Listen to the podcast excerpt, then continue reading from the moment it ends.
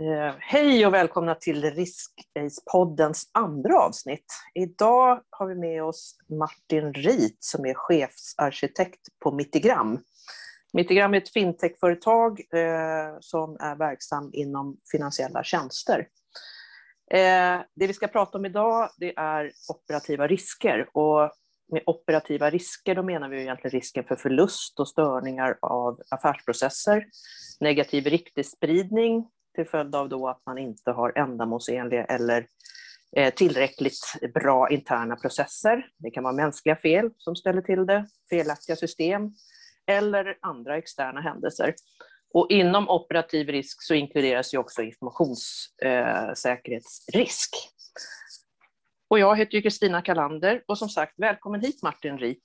Eh, du kan väl berätta lite grann om dig själv och din roll? Yes, tack Kristina. Uh, ja, uh, jag uh, är då chefsarkitekt just nu på Mitigam. Och vi tillhandahåller tjänster för storbolag och storbanker för att utbyta eh, information och prissättningar kring, kring eh, riskhantering av, av, internationell handel. Så det är en väldigt specifik nisch. Eh, bakgrund för mig är att jag har eh, i princip arbetat hela mitt liv med säkerhet och risk, bland annat åtta år på Länsstyrka Bank inom operativa IT-risker. Så jag, eh, jag eh, kom in till Mitigram som eh, egentligen IT-chef från början med eh, tanken på att bygga upp ett eh, system och verksamhet som, som har ett bra riskhantering redan från början.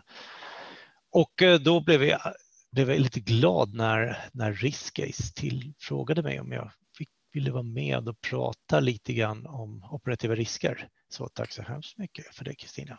Varsågod. Det låter som det här med operativa risker ligger dig ganska varmt om hjärtat. Ja, förutom att det är, ja det gör det förstås, självklart. Eh, men, men problemet, den här traditionella eh, beskrivningen som du läste upp i början är ju så, låter så obarmhärtigt jättetråkig. Eh, för att för mig är operativa risker någonting som är egentligen i allmän folkmun kallas för sunt förnuft också. Det vill säga att man bör ju man bör ju hålla koll på vad man gör, varför man gör det och framförallt vad som kan gå fel när man gör saker och ting. Hela, hela verksamheten bygger ju på förstås en, en massa möjligheter och en massa risker och, och maximerar man möjligheten och, och ser till att man hanterar sina risker så går ju verksamhet bra till slut. Eh, så det är lite grann min approach på det hela, att förenkla allting till så att ett risktänkande faktiskt eh, gör också nytta i verksamheten till skillnad från att bara bli en papperstiger som det nästan alltid tenderar att bli om man, om man kör för mycket, för mycket enligt eh, någon sorts eh, högtravande ideologi. Hur gör du då för att få med verksamhet? För jag tänker man kan ha ganska stora utmaningar med att få med alla medarbetare eh, på företaget att liksom förstå storheten kanske egentligen då, att identifiera och hantera operativa risker. För att det är ju ändå någonstans så att eh, det är också en fördel för affären om man har koll på de här grejerna. Visst är det så. Eh, det vi, eh, men det vi jobbar med, har försökt egentligen göra ganska mycket, det är ju att eh, eh jobba med eh, risk i, ja, dels på företag, alltså på den högre liksom, affärs och företagsplaner. Men, men framförallt försöka bryta ner det till att, att faktiskt eh, vid varenda ändring, varenda liten change, varenda liten release så eh, har vi alltid riskanalyser. Vi pratar igenom riskerna, vi funderar alla vad kan gå fel när vi gör det här.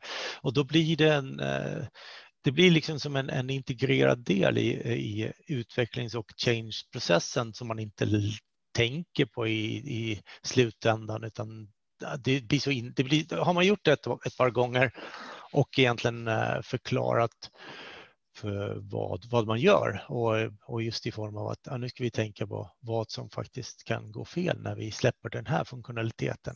För att oftast sitter man på utvecklingen och tittar på, på bara positiva scenarion. Att det här blir fantastiskt bra, kommer ge oss massor med kunder etc. Men, men eh, den, de negativa scenarierna är väldigt sällan något som funderar på. Men, men går man upp liksom fundera på vad som kontinuerligt vad som kan gå fel och, och eh, pratar om det hela tiden så blir det ju lite grann alltså att man liksom bakar in det i verksamheten. Um, och, och sen, om, jag skulle säga om man börjar från den änden och sen, sen eh, kryper uppåt så får man en betydligt bättre Eh, naturlig hantering av risk, det vill säga att det finns det ett behovs, det är nästan behovsinitierat för att inga utvecklare eller inga IT-personal vill ju egentligen göra fel. Så att det, då blir det faktiskt i deras egen intresse att eh, säkerställa att man åtminstone har tänkt igenom de saker som kan gå fel.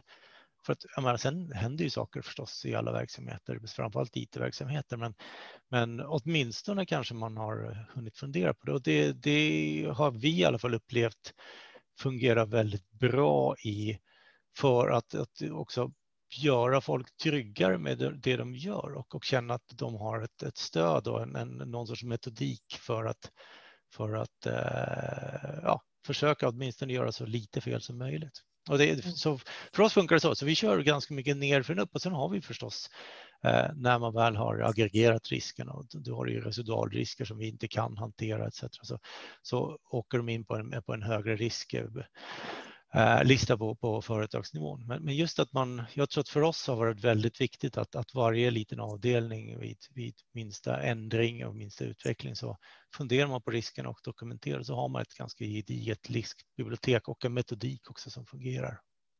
Jag tänkte när du började eh, liksom implementera den här typen av arbetssätt, mötte du ett motstånd då eller hur såg det ut? Eller var det helt bara en naturlig, var det bara ett naturligt sätt att arbeta för er på Mittigram? Ja, det var lite intressant för att vi, vi började ju med att, eh, alltså, dels är vi, vi ISO 27 certifierade, där är ju liksom krav på väldigt mycket av riskhanteringen som är inbyggt. Då. Men vi började ju, eh, eftersom jag har jobbat med risk i säkert 20 år, så för mig har det alltid varit väldigt naturligt. Så vi, redan från början så, så pratade vi väldigt mycket risk och, och dokumenterade risker och, och det, sen, vi var ju väldigt små i början så jag, jag kom in i bolaget när vi var fem personer kanske.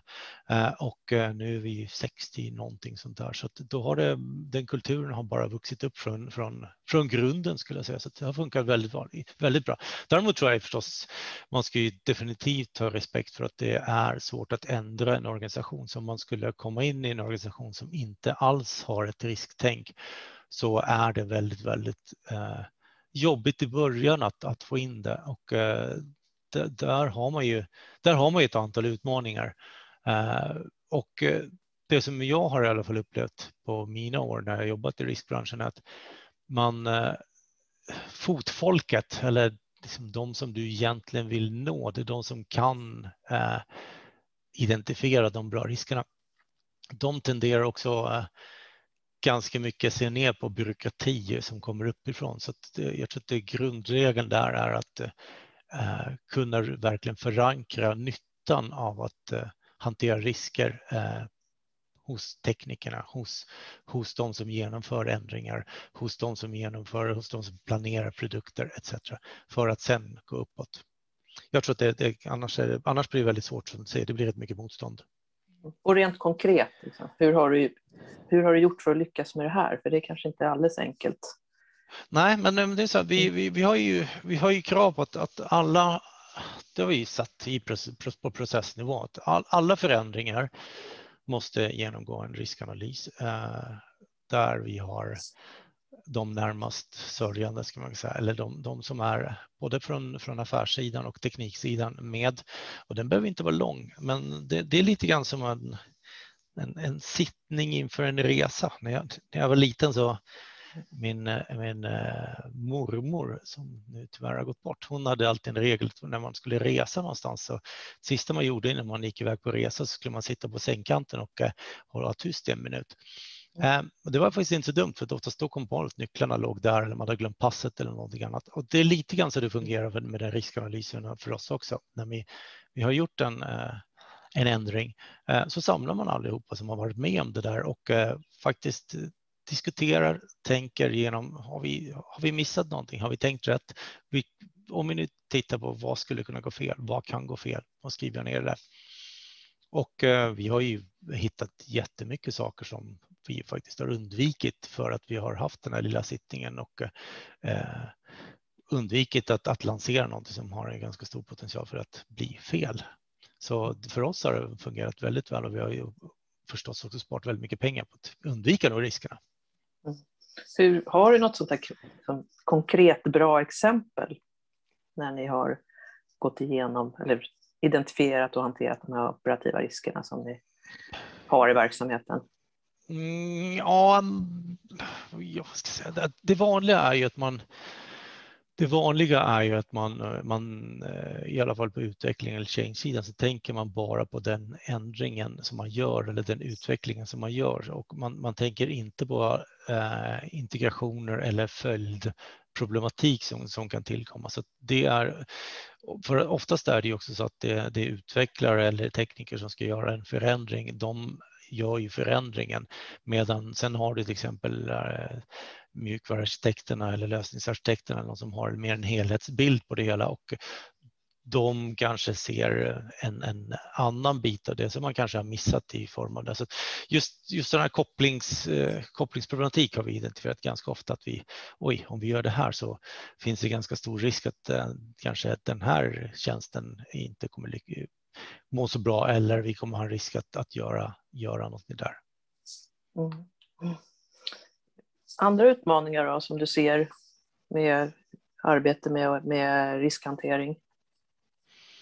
Ehm, eh, ja, det, det, som är lite knepigt, alltså det, dels är det ju det standardproblematiken är eh, modellen. Hur definierar man en bra riskmodell?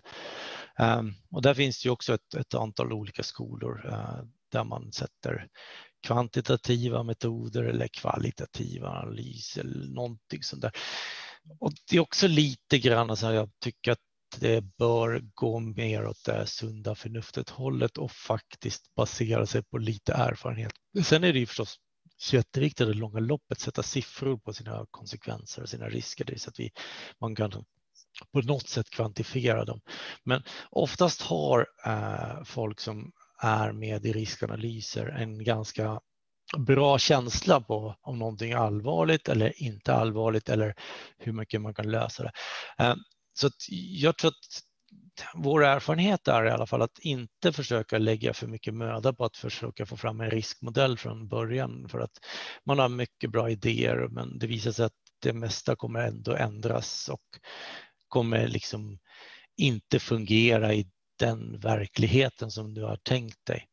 Ehm, och sen är också förstås när man har riskanalyser i kontinuitet väldigt viktigt. Så om du kontinuerligt analyserar dina förändringar i system och det är ett system med liknande affärsvikt och det är ungefär lika stora förändringar så kan du ganska enkelt börja jämföra dem mot varandra. Eh, det blir jättesvårt förstås att analysera till exempel en systemförändring mot eh, sen kanske finansiella risker för företaget för det, det är ju helt olika skalor eh, och det är ju inte så supersunt att sätta ihop dem i samma, samma riskmodell eller riskregister. Så, men jag tror liksom att eh, det som vi jobbar väldigt mycket på är just en, en kontinuitet i de små stegen som gör att vi får en betydligt bättre helhetsbild. Så, så eh, riskmodell eh, är svårt, eh, men tror att det måste bara nötas fram. Det går inte att forcera fram. Det, det kommer komma. Det viktigaste är att man börjar någonstans och börjar sätta ut någonting. Och de första tio gångerna så blir det fel. Det är inte värre än så att du har någonting, men efter ett tag så får man en, en eh, känsla och då kan du faktiskt börja sätta lite finger på det där. Och sen är det ganska kul att följa, följa uppåt och kolla hur riskbilden har ändrats över tiden och faktiskt eh, om man nu har en vettig modell, kolla hur pass mycket pengar man har tjänat på de, på de åtgärder som man har gjort för att minska riskerna. För att residualrisker har du alltid också och de kostar också. Men du kan, har du en bra modell till slut som du har jobbat fram så kan du ganska enkelt se att din mm. initialrisk minus residualrisk är det du har sparat. Och om du lyckas spara det på ett, en åtgärd som kostade 10 000 men så har du sparat en riskvärde på 200 000, ja, det är ju fantastiskt förstås. Mm, ja, verkligen.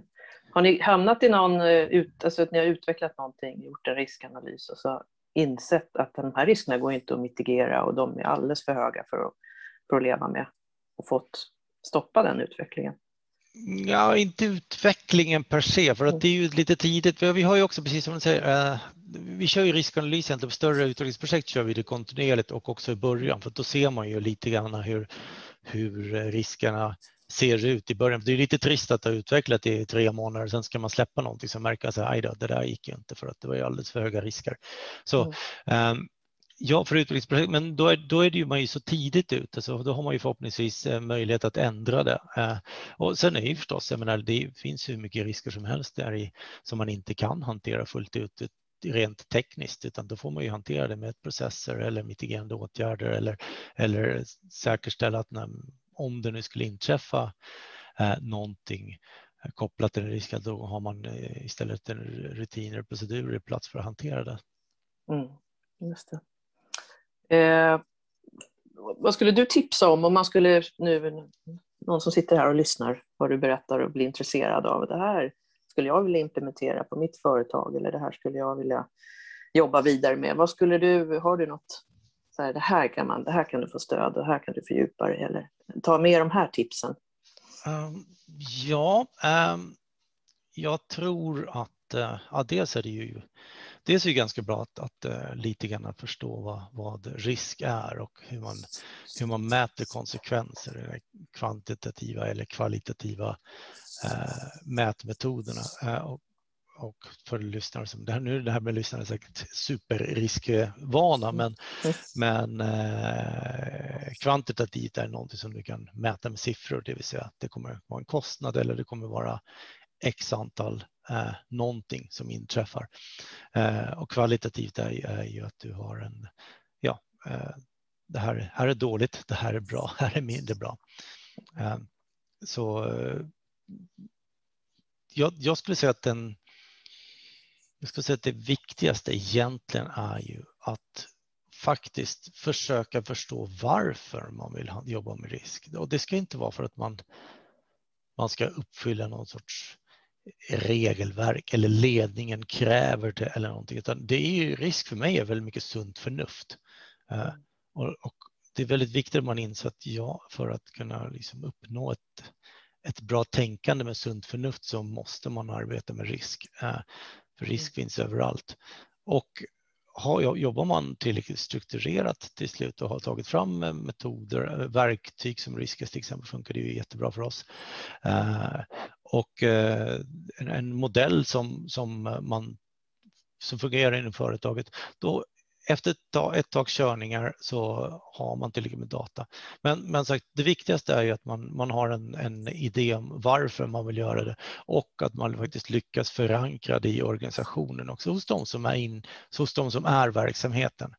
Så mm. har du bara, ett, har du bara liksom en nedtryckt från ledningen eh, så kan det se jättefint ut på pappret men det blir inte mer än en papperstiger.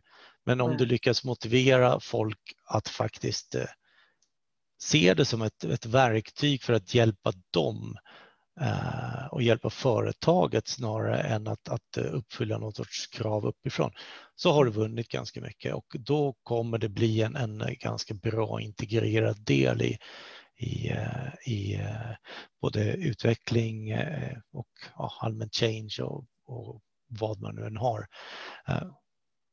Och i långa loppet så blir ju folk så vana vid att tänka risk. Så att du som eh, riskchef eller eh, IT-chef eller vem du nu är som, som ska driva den verksamheten inte behöver anstränga sig särskilt mycket utan det tillkommer, folk, folk ringer, upp dig automatiskt och säger du, eh, jag hörde att vi ska göra det här. Har vi haft en riskanalys? Jag skulle gärna vilja veta.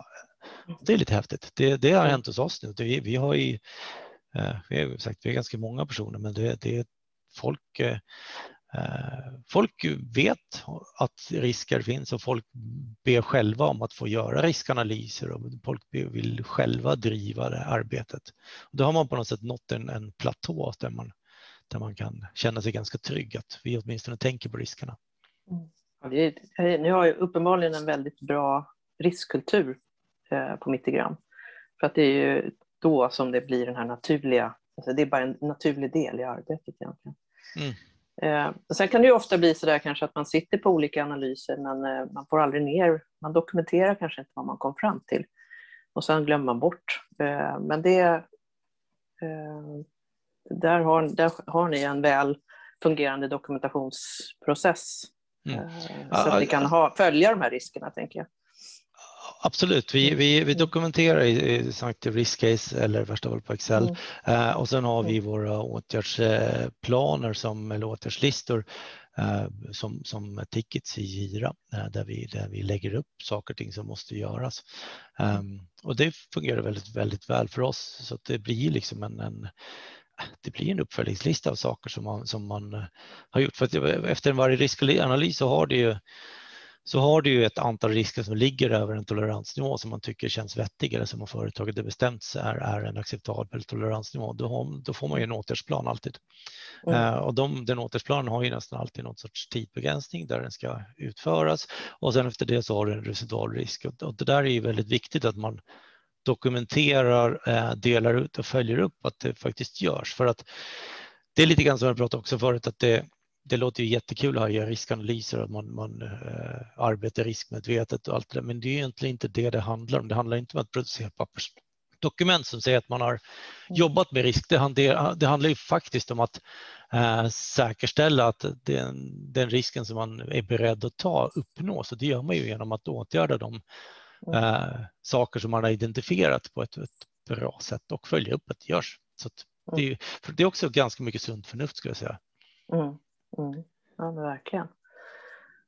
Eh, just, vi, den här podden är ju, det handlar ju, ju, om risk. Vi ska ju prata med många olika eh, personer som jobbar just med risk. Eh, och jag tänker så här, om du skulle vilja lämna över stafettpinnen, så här, de här skulle jag vilja lyssna på själv med någon som pratar om risk.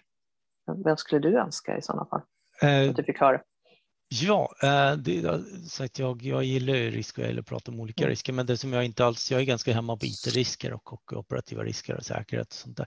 Men eh, jag stöter ju på kontinuerligt eh, riskområden som känns lite, lite läskiga och riskabla. Eh, och det, det, för mig är det, är det väldigt mycket legala och eh, GDPR-risker eller compliance-risker i allmänhet som är mm. superintressanta för att det är det är om man nu pratar om IT, om man pratar om opprisk så är det ju väldigt mycket sunt förnuft. Eh, inte så värst i, eh, legalt i GDPR enligt mig i alla fall, utan då är det mycket mer regelstyrt. Och det som skulle vara väldigt intressant att höra hur man kan koppla in det i verksamheten lite grann så att, så att det blir en, en, en nytta för verksamheten också, inte, och inte bara någonting som måste göras. För att vi försöker, jag försöker väldigt mycket undvika det som måste göras utan göra det som faktiskt gör att verksamheten mår bättre och mår, går framåt.